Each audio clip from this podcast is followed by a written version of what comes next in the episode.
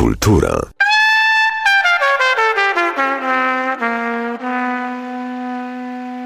Przekazuję e, głos gospodyni tego spotkania, starszy kustosz Wojewódzkiej Biblioteki Publicznej im. Hieronyma Łapczyńskiego, pani Ewy Hadrian, która przedstawi gości i poprowadzi to spotkanie. Wszystkich serdecznie na spotkaniu witamy. Cieszymy się, że możemy się spotkać w taki dobry dzień, e, że nie pada, że nie ma burz i że jest czym oddychać, bo to też jest w kontekście ostatnich dni e, bardzo ważne.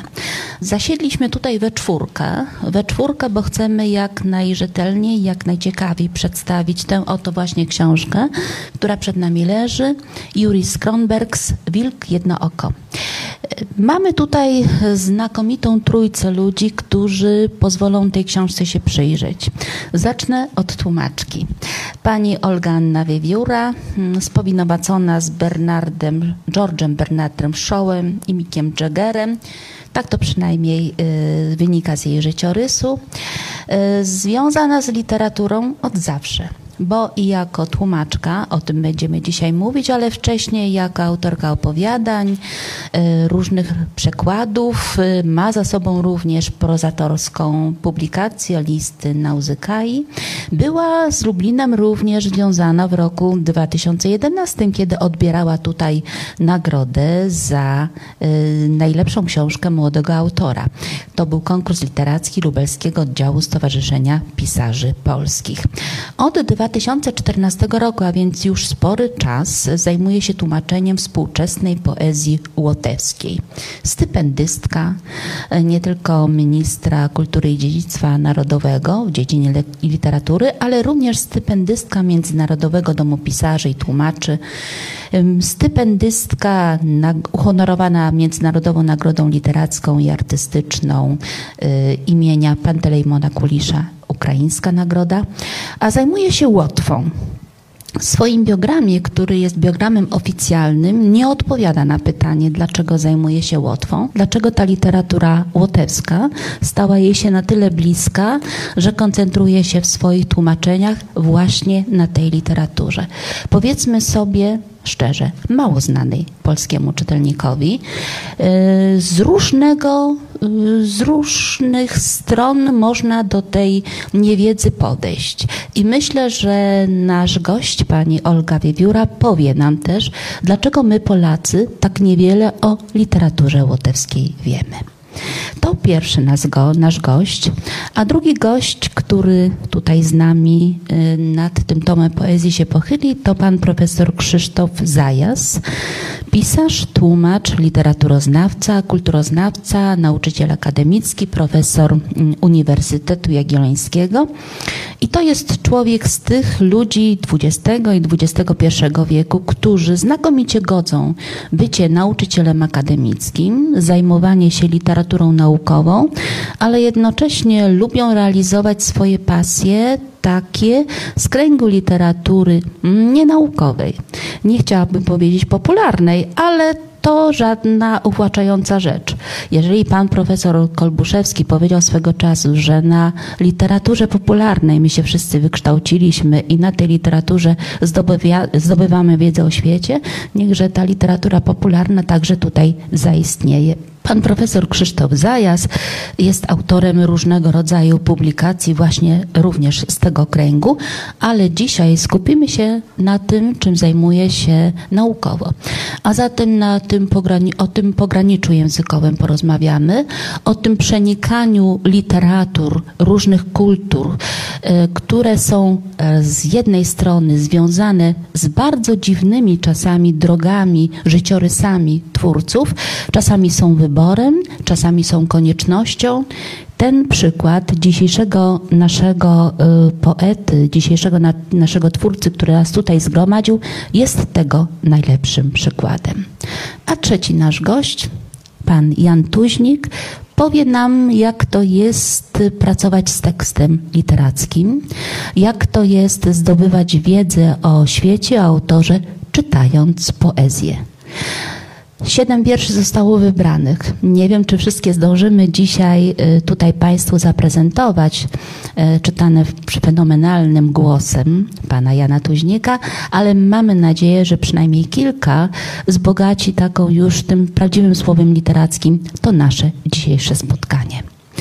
I zaczynając od tego pytania, dlaczego literatura łotewska, Niech to będzie od ogółu do szczegółu. A zatem ten ogół, dlaczego literatura łotewska tak Panią zainteresowała, dlaczego się Pani e, jej poświęciła i dlaczego e, ta literatura powinna być tą częścią literatury europejskiej, z którą my powinniśmy się jak najczęściej stykać, zapoznawać, po prostu czytać ją.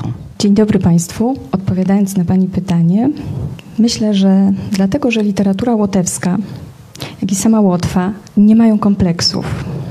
Mimo, że jest to kraj y, niewielki, wciśnięty u brzegu Bałtyku, mający stosunkowo niewielką, jeżeli porównamy to z Polską, liczbę ludności i nie wybijający się ze swoją kulturą, to jednak y, kiedy się tam jedzie, kiedy styka się z tą przestrzenią, to właśnie to, co jest w niej fascynujące, to właśnie ta ten brak kompleksu. My tutaj jesteśmy. Trzeba też spojrzeć na Łotwę z punktu widzenia jej trwania i historii, bo przecież e, tak mały kraj, poddany, można powiedzieć, e, wciśnięty w te żarna historii, które się tam bez przerwy przetaczały. Można powiedzieć, że Łotwa jest też takim, taką przestrzenią, e, przez którą przetaczały się wojska, olbrzymie y, masy, jednak istnieje. Jest troszkę jak, jak taka trawa, która mimo wszystko y, odrasta i jest. Łotysze przetrwali. Nie robili wielkich y, powstań, nie rozdzierali szat, a jednak mimo wszystko są. Oczywiście, że z punktu widzenia dzisiejszej historii są może i trochę bezpieczniejsi, ale przecież to, co działo się przez ostatni rok, także w jakiś sposób pokazuje e, heroiczność tego trwania Łotwy. I ja nie ukrywam, że kiedy tam pojechałam pierwszy raz w 2014 roku, to właśnie ten spokój Łotyszy, skromność, pracowitość, e, brak kompleksów i trwanie ujęły mnie bardzo. Było jeszcze coś, co spowodowało, że zainteresowałam się Łotwą E, trochę bardziej. Podczas mojego pobytu w domu, Międzynarodowym Domu Pisarzy i Tłumaczy, w bibliotece znalazłam półeczkę, na której e, leżały poukładane książki. I były to książki tłumaczone z języka łotewskiego, łotewskie książki tłumaczone na inne języki europejskie. I tych języków było mnóstwo. Nawet e, języki tak egzotyczne jak język lapoński. Natomiast nie znalazłam tam żadnej książki, która byłaby y, przekładem na język polski. I to mnie troszkę zdziwiło, zawstydziło i zdenerwowało, bo uznałam, że jeżeli tak duży kraj jak Polska, mający tak y, trwałe związki kulturowe i historyczne z Łotwą, nie funkcjonuje na tej połeczce, to znaczy, że ta Łotwa też w jakiś sposób nie istnieje w naszej świadomości. I źle się dzieje i trzeba to zmienić.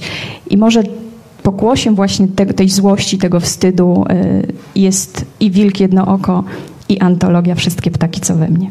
Antologia tutaj y, również Państwu jest prezentowała. Rok wcześniej chyba została, rok temu chyba została tak, tak. opublikowana. Tak. Natomiast tutaj właśnie od szczegółu przechodzimy do szczegółu, bo do, y, od ogółu przechodzimy do szczegółu, bo teraz już jeden konkretny autor. Dlaczego ten właśnie autor, dlaczego te właśnie teksty miała Pani możliwość wyboru e, spośród wielu. A dlaczego właśnie ten autor szczególnie Panią zainteresował? Cofniemy się troszkę tej mojej opowieści. Kiedy zbierałam materiały do antologii, e, dosyć długo, bo od 2014 roku, ja nie ukrywam, że praca nad antologią to było sześć długich lat. Była to praca dosyć żmudna i taka zakonna, bo tłumacz ze swoją pracą y, no jest troszkę jak zakonnik, musi się zamknąć, y, pracować z tekstem. To teksty Jurisa Kronbergsa były o tyle inne od pozostałych, ponieważ budowały pewną historię. One genetycznie były jednorodne. Budowały jakąś fabułę, miały jakąś swoją nośność obrazową. Oczywiście, że mm, budziło to skojarzenia z panem Kogito, z tym naszym słynnym herbertowskim panem Kogito, ale tym, co je odróżnia, jest to, że tutaj ten główny bohater toczy walkę z sobą. Może pójdę trochę za daleko, ale o ile mm, pan Kogito mm, jest y, intelektualistą, y, kimś, kto jest nasycony kulturą helleńską, rzymską, o tyle Wilk Jednooko jest taką postacią y, zwierzęcą, dziką, która jednocześnie musi też stoczyć walkę wewnętrzną z sobą. I to chyba zadecydowało o tym, y, że chciałam, żeby ta postać funkcjonowała też w języku polskim. Żeby ten wilk gdzieś się pojawił także w tej naszej kulturze. Że nie tylko intelektualizm, ale także to, co jest atawistyczne, to, co jest w nas takie zwierzęce, bardzo naturalne, też funkcjonowało. Jeżeli wilk jednooko, to też e, wilk stepowy, ale to już zupełnie inna historia. Ja myślę, że to jest ten moment, że możemy poprosić o pierwszy tekst. Pan Jan Tuźnik. Wilk jednooko w pierwszym dniu. Ołów świat, ołów słońce, ołów chmury, ołów pięść bijąca w pierś, ołów oka powieka, bolesny widzenia krąg. Ołów odbiera myśli, w miejsce myśli ciężar. Czarne gwiazdy, czarne źrebięta, w czarnych derkach, w kotlinie nieba czarne promienie nad sklepieniem oka. Wilk jedno oko żali się, wyleguje, tęskni. Za przyjemnymi snami o kotach i aniołach budzi się w jednookim świecie. Nie przeklina losu, nie przeklina śmierci, przeklina tylko ołów w sercu. Pragnie, by dni więcej już nie było, lecz w nocy cierpi na bezsenność. I powietrze jest ciężkie, i gwiazdy zgasły, słońce zgasło, i wszystkie przyszłe dni, i wszystkie przyszłe dni. Dziękuję bardzo. Myślę, że komentarzem do tego tekstu będzie taki skrót życiorysu bohatera tego spotkania. Jak tutaj już Andrzej zauważył, niestety nie, mo- tutaj nie możemy go gościć, bo Juris Kronbergs, urodzony w 1946 roku w Sztokholmie, zmarł również w Sztokholmie 6 lipca 2020 roku. I pewnie Państwo zapytają, dlaczego to Sztokholm? Rozmawiamy o poecie łotewskim, a i data urodzenia i śmierci to Sztokholm. Juris Kronbergs to łotewski poeta i tłumacz mieszkający w Szwecji. Studiował języki skandynawskie, bałtyckie, historię literatury na Uniwersytecie w Sztokholmie. Debiutował w połowie lat 60. Tworzył na pograniczu dwóch kultur, szwedzkiej i łotewskiej. Wśród jego przekładów poezji XX i XXI wieku znajdują się wybrane wiersze laureata Nagrody Nobla Tomasa Transtromera oraz e, powieść Ulfa Eriksona. Twórczość naszego bohatera stała się jednym z najlepszych przykładów i najbardziej widocznych przykładów. Można o niej przeczytać między innymi w, na, w polskich publikacjach pokazujących różnego rodzaju bunty w literaturze lat 60. E, a zatem jego teksty były to przykłady buntu w literaturze łotewskiej lat 60. Pełnił funkcję prezesa łotewskiego penklubu, pracował jako tłumacz dla szwedzkiego parlamentu, pełnił funkcję atasze kulturalnego w łotewskiej ambasadzie w Sztokholmie. To jest taki skrócony, mm, podstawowy życiorys z datami, z ważnymi z ważnymi funkcjami pełnionymi zawodowo czy też pozazawodowo. Ale przede wszystkim trzeba pamiętać o tym, że y, Juris Kronbergs był to człowiek, o którym mówi się mieszkał na emigracji bo chociaż był Łotyszem z urodzenia, znalazł się z rodzicami tuż po swoim nieomal urodzeniu już w Szwecji. Dorastał w Szwecji, co prawda w takiej enklawie Łotyszów i to takiej enklawie bardzo artystycznej. Tutaj nawiążę do jego e, ojca, do jego matki, ale to jednak była Szwecja.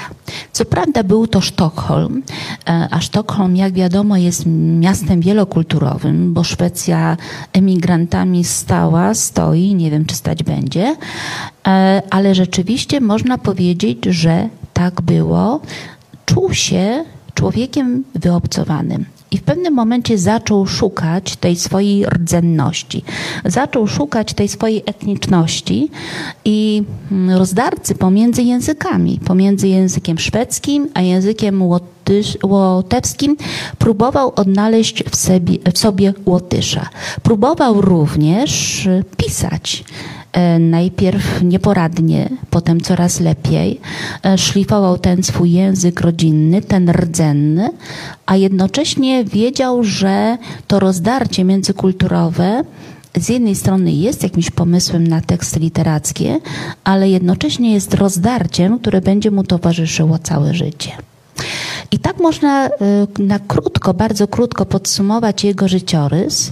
No i teraz, y, panie profesorze, do pana pytanie, bo jak to jest z tymi twórcami, którzy są na pograniczu kultur, na pograniczu języków?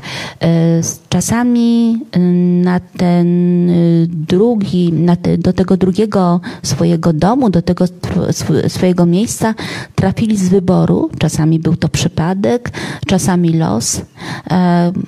Jak wtedy patrzy się na takie odteksty?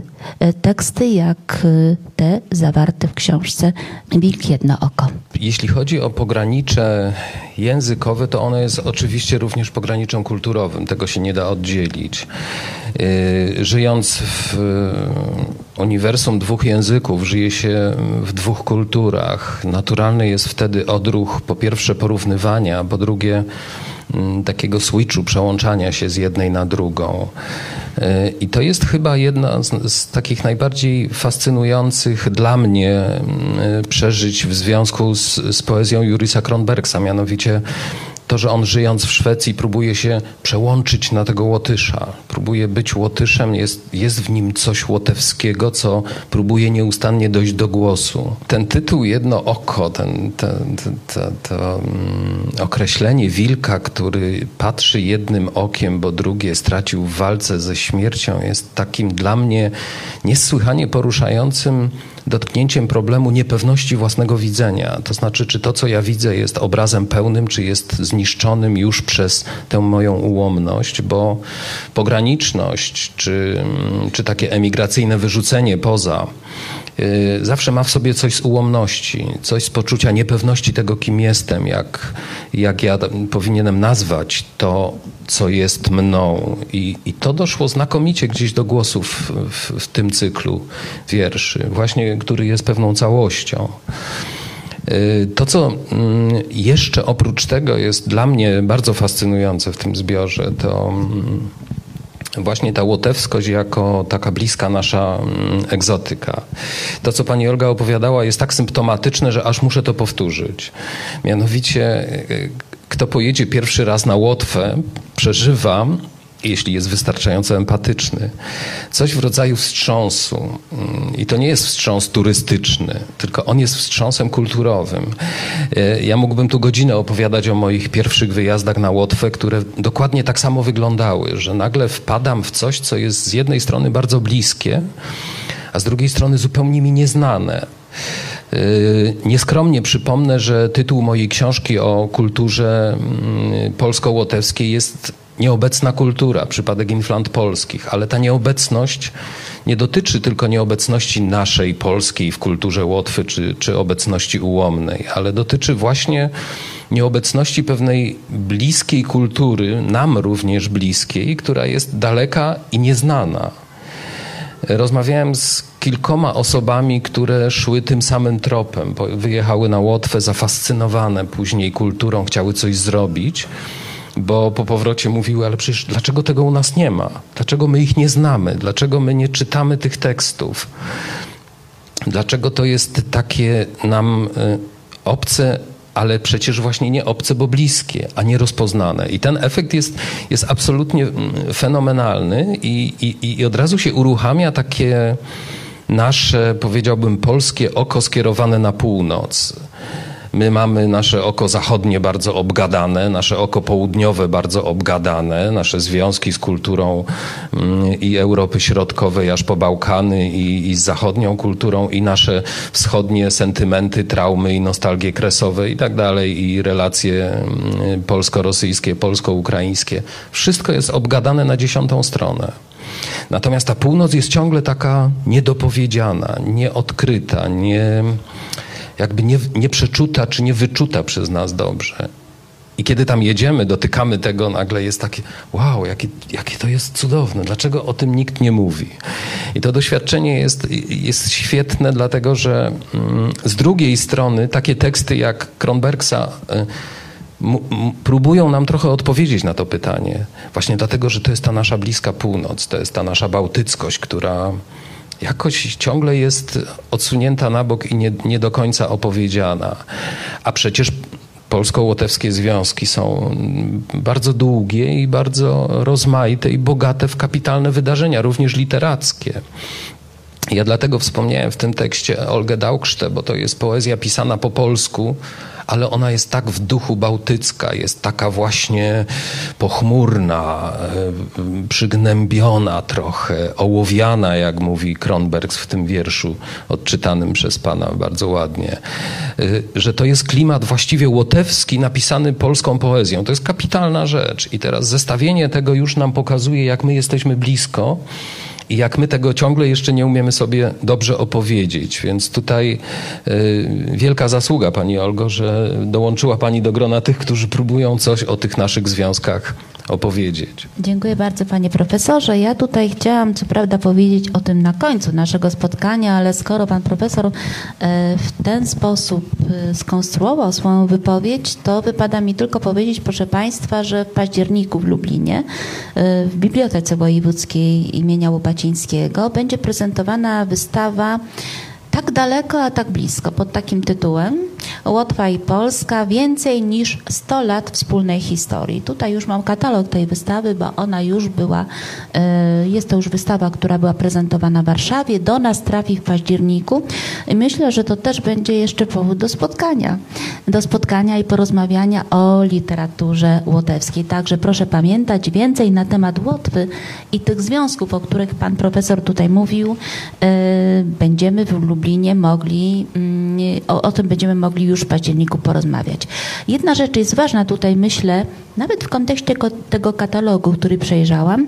Ja myślę, że my często, y, mówiąc o tych krajach, y, które obecnie z nami sąsiadują, tak bym to powiedziała, e, albo gdzieś tam są dalej wysunięte, a niegdyś trochę inaczej to się wszystko na mapach lokalizowało, to my często zamiast skupić się właśnie na literaturze, to my często patrzymy tylko w kontekście historycznym. Bo gdyby dzisiaj przeciętnego Polaka zapytać, co mu się kojarzy z Łotwą, to ja myślę, że y, tacy o bycie w historii bardziej to by powiedzieli implanty, implanty, implanty i może w, to by był jakiś taki pomysł. Natomiast ta historia trochę determinuje nasze patrzenie na, e, na literaturę determinowała również w tych latach, kiedy wszystkie kraje e, nadbałtyckie, e, no i poniekąd my byliśmy pod taką dużą obserwacją Wielkiego Brata w ten sposób. Myślę, że to wybicie się na niepodległość, którą tutaj też Kronsberg w jakiś tam sposób prezentuje, to jest to. Dodajmy jeszcze jedną ważną rzecz, że te wiersze, są z 1996 roku. To nie są y, ostatnie wiersze Kronbergsa, tylko są to wiersze już dawniej napisane. Mało tego, zanim trafiły do przekładu tutaj do pani Olgi Wiewióry, one już miały swoje przekłady na różne inne języki. To też jest dość ważne w tym naszym tutaj oglądaniu tej poezji. Tak, to prawda.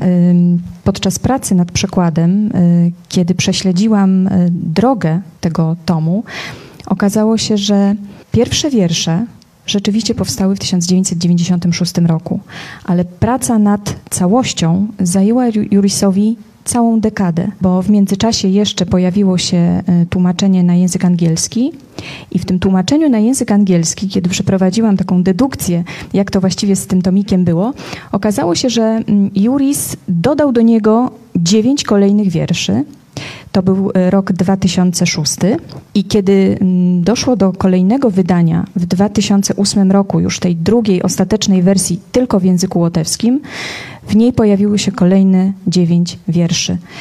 I można powiedzieć, że dopiero to wydanie z 2008 roku Zbiera Juris, tak, tak, Juris uznał jako y, ostateczne, zamknięte, skończone. Y, to jest y, prawie 10 lat, cała dekada, właściwie jego walki, bo mm, muszę tutaj dodać, że mm, pod postacią wilka, wiem, że być może popełniam pewien błąd metodologiczny, ale zostaje zawarta historia jego osobistej walki y, z chorobą, która spadła na niego nagle.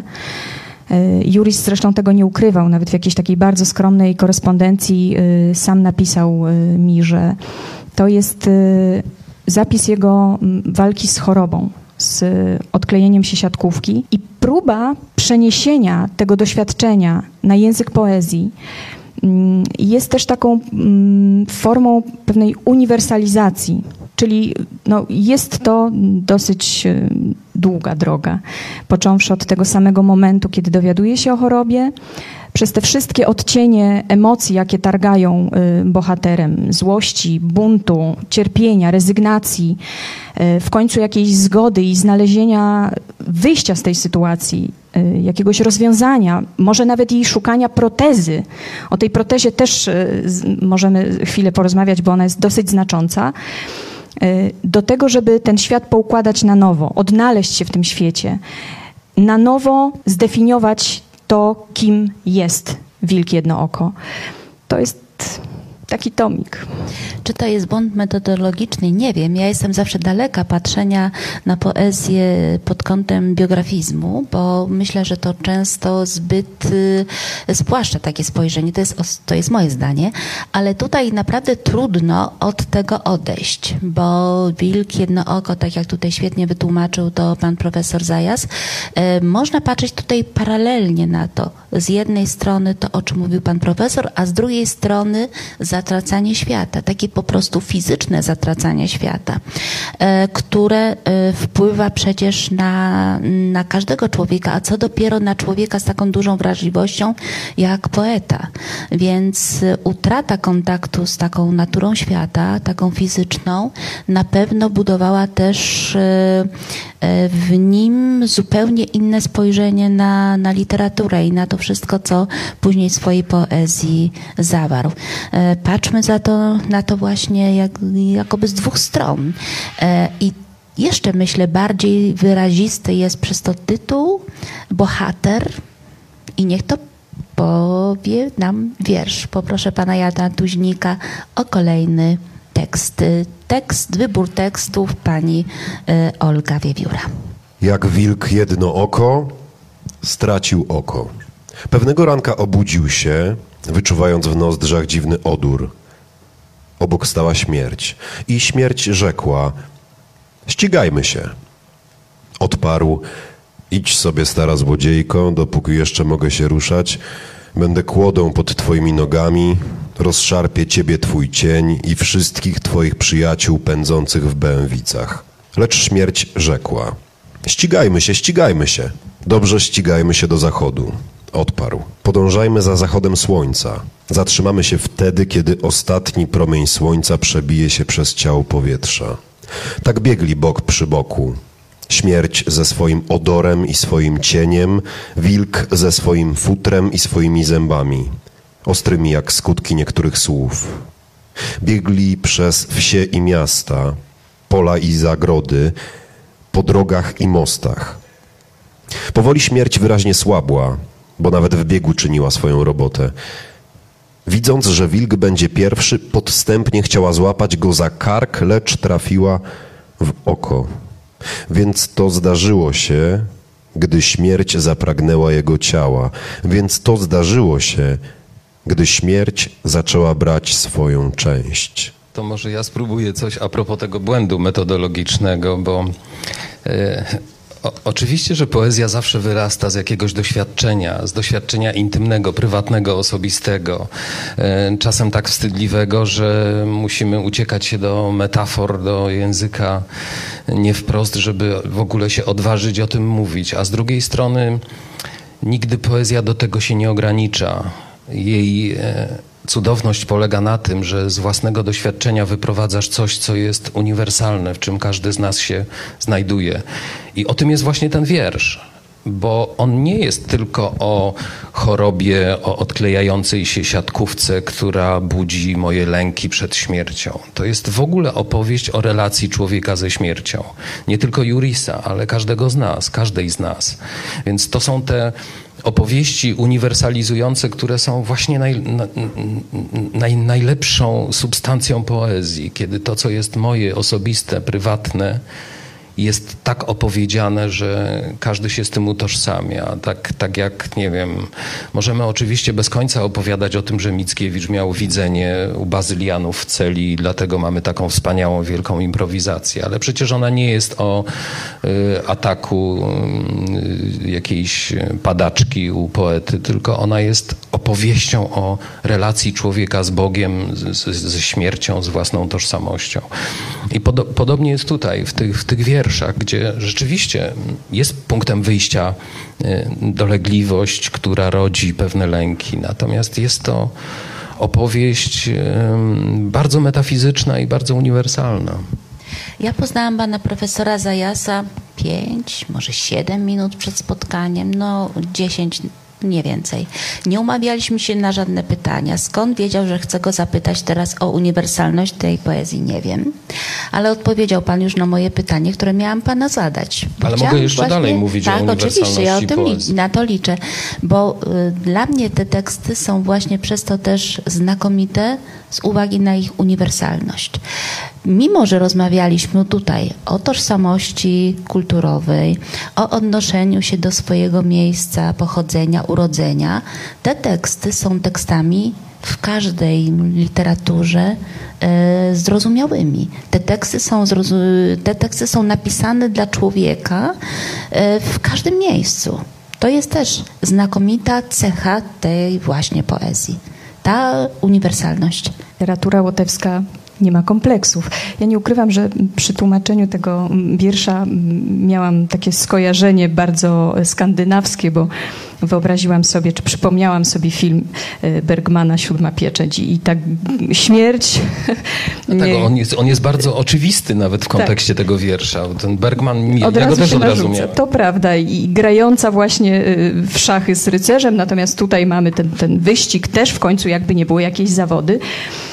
Mamy jednak trochę problem, jeżeli mówimy już o takim y, samym sposobie tłumaczenia, bo jest to tak intymne doświadczenie, że kiedy mówimy o pracy tłumacza i tego, jak się przekłada, jakie skojarzenia przychodzą, to jest to jednak duża trudność. Ale ten Bergman o pracę tłumacza oczywiście, że zaraz panią zapytam, bo trudno rozmawiać o poezji, tomie poezji, który w dodatku jest dwujęzyczny, bo to też jest istotne. Nie dostajemy tylko tutaj tłumaczenia polskiego, ale mamy teksty oryginału.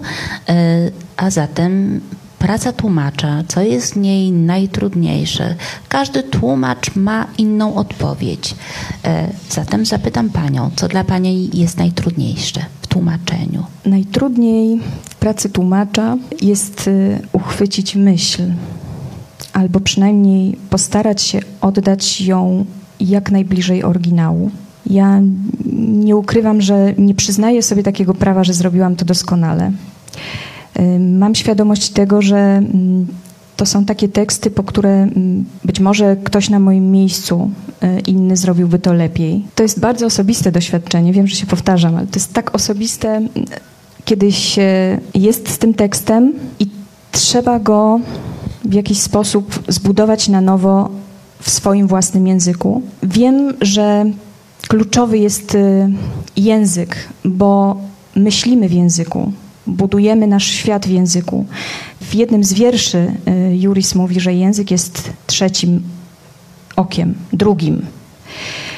I to jest właśnie ta proteza. To nie jest proste, dlatego że języki nigdy nie da się przełożyć y, niczego w skali 1 do 1.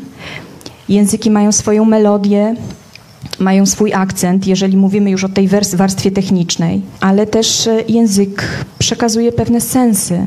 Żeby dobrze coś przetłumaczyć, trzeba świetnie znać kulturę, pewną metafizykę kultury, w której języku zapisany jest tekst. W moim przekonaniu jest to kluczowe. Dziękuję. Czy możemy powiedzieć o poecie, nad którym dzisiaj się, przy której poezji się dziś zatrzymujemy?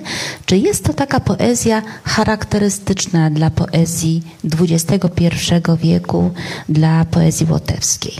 Czy jest to przypadek e, poety odrębnego, czy można powiedzieć, że charakteryzuje jakąś wypowiedź generacji twórców XXI wieku poezji łotewskiej?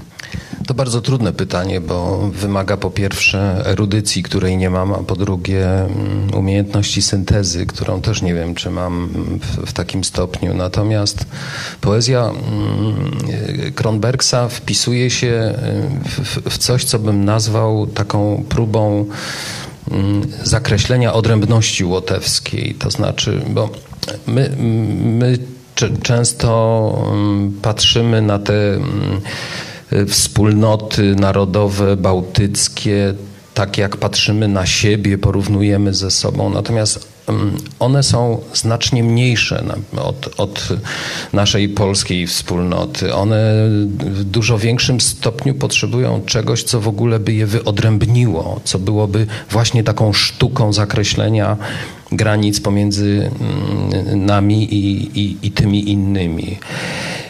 I tu może paradoksalnie to spojrzenie przez Bałtyk ze Szwecji jest u Kronbergsa takie mm, charakterystyczne, bo ono właśnie próbuje tę łotewskość uchwycić jako pewien, mm, pewien genre, powiedziałbym, literatury europejskiej czy środkowoeuropejskiej. Że on próbuje taką mm, inność łotewskości uchwycić. To jest, to jest bardzo fajne, ale on nie jest tym jedyny, bo jak czytałem, poczytywałem wiersze z antologii młodszego pokolenia, yy, znakomitej Ingmary Balode, którą, którą bardzo cenię, czy, czy, czy Karlisa Werdinsza, to, to oni, oni próbują czegoś podobnego, to znaczy łotewskość jako coś innego, coś naszego, coś, coś mm, swojskiego, ale w tym dobrym sensie, nie w takim szowinistycznym, tylko w sensie tożsamościowym, coś, coś co jest nasze, co nie byłoby ani postsowieckie, ani antyniemieckie, czy antypolskie, czy jakieś w ogóle antyimperialne, tylko żeby było naszym łotewskim czymś. I, i to, to to, to, to chyba też w tym tomie bardzo wyraźnie widać, że Kronberg spróbuje łotewskość jako inność uchwycić, bez, bez żadnego nachalnego, ideologicznego generowania pojęć typu my, Łotysze, tutaj wielka nacja, czy coś tam, tak jak to na przykład Polacy uwielbiają. Nie, to jest właśnie coś bardzo skromnego i bardzo cichego, a jednocześnie właśnie przez to wyrazistego, że, że jest konstrukcją poetycką. I od tej strony mm, myślę, że też jest taka kulturowa wartość bardzo duża tego tomiku, że, że, że to tak, w takim najlepszym sensie jest tomik łotewski pisany właśnie trochę z perspektywy mm, z drugiej strony Bałtyku. Y Pani Olga chce zabrać głos, ale ja jeszcze powiem, to w takim razie możemy powiedzieć sobie tak, że jeżeli chcemy zajrzeć do literatury łotewskiej, to te drzwi już mamy w tym momencie otwarte, że przez Jurisa możemy po prostu do tej literatury e, zajrzeć i dopiero później poznawać kolejnych, e, kolejnych twórców i będzie to poznawanie bardzo ciekawe i mądre, o czym już tutaj Państwo wielokrotnie mówili. Tak, ja cały czas mam nadzieję, że to są y, na razie uchylone drzwi, że przyjdą tacy, którzy te drzwi otworzą znacznie szerzej i ta literatura naprawdę wkroczy na mm, polskie półki w księgarniach. Bo wydaje mi się, tutaj pan profesor świetnie to zauważył, że otwieramy to nasze północne oko, to, które do tej pory było przymknięte. Y, a żeby mieć taką pełnię y, to jednak no, to oko musi być tam otwarte, musimy tam spojrzeć, ale ja przyznaję rację, że jest to taka... Ale Pani Olgo, czy my chcemy otwierać to oko? Bo tak czasami mam takie wrażenie, że właśnie taka antologia jak Pani, czy y, różnego rodzaju teksty, które uchylają nam właśnie drzwi do takich mniej znanych literatur, to są przez nas jakoś pomijane. My ciągle chcemy żyć y, w kulturze tej zachodniej i jakoś ten wschód północ niekoniecznie. Ja to powiem na przykładzie literatury czeskiej. Ja byłam dwa lata temu na takim pobycie e, w Brnie, gdzie między innymi poznawałam literaturę, kulturę czeską i tak sobie wróciłam później do domu i pomyślałam sobie, Boże, toż ja tej literatury wcale nie znałam. Chociaż mogłabym powiedzieć, czytałam, czytałam to, to, to z dawnej, współczesnej, ale to zupełnie inaczej wyglądało, kiedy tam tę literaturę się e, poznało. A zapytać przeciętnego Polaka, czy zna literaturę czeską? Tak, oczywiście. Że to haszek, to nieważne, ale znam. Więc mam takie wrażenie, że my może trochę nie, nie chcemy tego, tego pobocza literatur nam bliższych tutaj poznawać te, z tej strony. No ale od czego są tłumacze i takie festiwale? No od właśnie od tego. od tego jesteśmy i tylko wymaga to pewnej determinacji pewnego chcenia, literatura łotewska się w końcu pojawi. Obroni się. Myślę, że tak. Pamiętam czas, kiedy y, wybuchła literatura ukraińska i, i proszę zobaczyć, y, co się dzieje. Y, Juri Andruchowicz, rano Wasyl Słabczuk, e, Natalia e, Śniadanko. Tutaj Także, ukłon w stronę naszych gospodarzy. Dokładnie to przecież tak. dzięki nim. E, więc funkcjonują.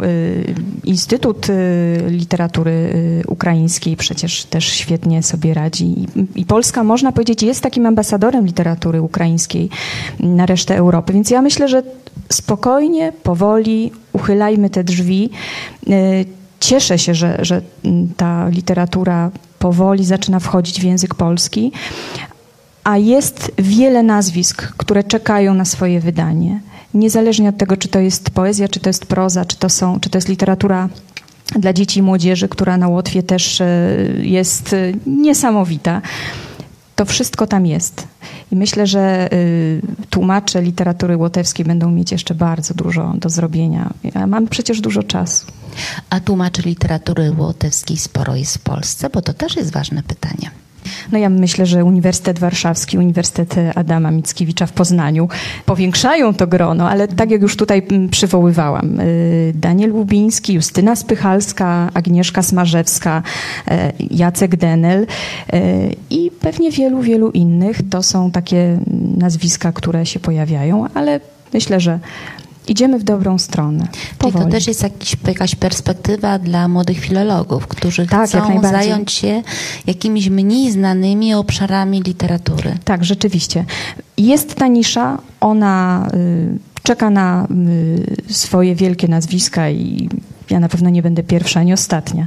Także jak najbardziej. Ja nie ukrywam, że w antologii pozwoliłam sobie może dosyć tak dydaktycznie na y, przytoczenie y, przy nazwiskach y, poetów wszystkich tomików, jakie były do tej pory wydane, bo y, chciałam w ten sposób jakoś pokazać, że jest jeszcze dużo rzeczy do zrobienia i być może znajdą się tacy, którzy sobie wybiorą któryś z tomików i myślę, że Wilk Jedno Oko to jest dopiero początek, a jest naprawdę wielu autorów wartych. Oby tak było, trzymamy kciuki. Pan profesor? Ja się uśmiecham, bo przypomniało mi się kiedyś takie zdanie wypowiedziane przez Czesława Miłosza, że mm, Polacy są jakoś dziwnie odwróceni plecami do Bałtyku. I dlatego on ma czasem problem z wytłumaczeniem, co to znaczy, że on jest Litwinem, Żmudzinem albo Bałtem bo to jest takie określenie. E, on nie poprzestał na tej konstatacji. Jak pamiętamy, mm, Zniewolony umysł kończy się rozdziałem pod tytułem Bałtowie, który jest dramatycznym apelem do świata, żeby ratować ginące kultury. Przed wojną Polska miała granicę z Łotwą, byliśmy sąsiadami. E, wymiana polsko-bałtycka kulturowa była dosyć intensywna, e, o czym wiem, bo kiedyśmy badali mm, żagarystów wileńskich przedwojennych w latach 30 30, o czym profesor Niewiadomski doskonale wie, bo nas recenzował krytycznie za to. Otóż Andrzeju, tam widać, prawda, jak mocno jest bałtyckość ważna dla, dla nich tam już w Wilnie i jak ona wygasa, słabnie w drodze gdzieś tam z tego Wilna do Warszawy i jeszcze dalej do Krakowa, który już w ogóle jest austro-węgierski, czyli do niczego. W każdym razie, że to co, to, co my robimy, to jest znowu to odwracanie się twarzą do Bałtyku, to znaczy patrzenie w tę stronę, która jest nam bliska, tylko musimy chcieć. I to, co my robimy, to chyba zachęcanie do tego, żeby tam y, spojrzeć i, i nie, nie tylko w celach turystycznych, ale, ale też um, literackich, bo warto, naprawdę warto. Żałujemy, że Juris e, nie zrealizował swojego marzenia, bo marzeniem jego było przenieść się na Łotwę i tam mieszkać i żyć, ale nie dane mu było, tak jak powiedziałam, rozpoczął swoje życie w Sztokholmie, zamknął swoje życie w Sztokholmie, ale pozostały teksty, pozostała poezja, a zatem na koniec naszego spotkania, tej przynajmniej oficjalnej części, poprosimy o tekst. Wilk jednooko myśli, że wszystko odtąd będzie już tylko do połowy. Będę tęsknić do połowy. Za pierwszym czasem do połowy. Zobaczyć wszystko tak, jak to rzeczywiście jest do połowy. Zdanie zostanie złamane do połowy, skok nad strumieniem uda się do połowy, aż połowa będzie tylko połową połowy, lecz czy z jednej strony, czy z drugiej strony to wiadome tylko do połowy. Będzie pół dzień, pół godzina, pół pieczeń, pół robota, pół koniec, pół współzrozumienie, pół pustka, nie pół pełnia, pół pijaństwo. Gdy wejdę do nowego domu, połowa runie, lecz połowa przetrwa. Która połowa, dobra czy zła? Gdy będę się skradał przez las, połowa lasu zniknie – Przetrwa każdy drugi świerk, każdy drugi grzyb, każda druga namiętność. Gdy będę musiał iść po kładce nad brzegiem rzeki, jak się dowiem, po której połowie kładki idę i toń pod moimi nogami zniknie do połowy. Juris Kronbergs, Wilk Jednooko, pani Olga Wiewióra, pan profesor Krzysztof Zajas, pan Jan Tuźnik, Ewa Hadrian. Dziękujemy za spotkanie. Dziękuję.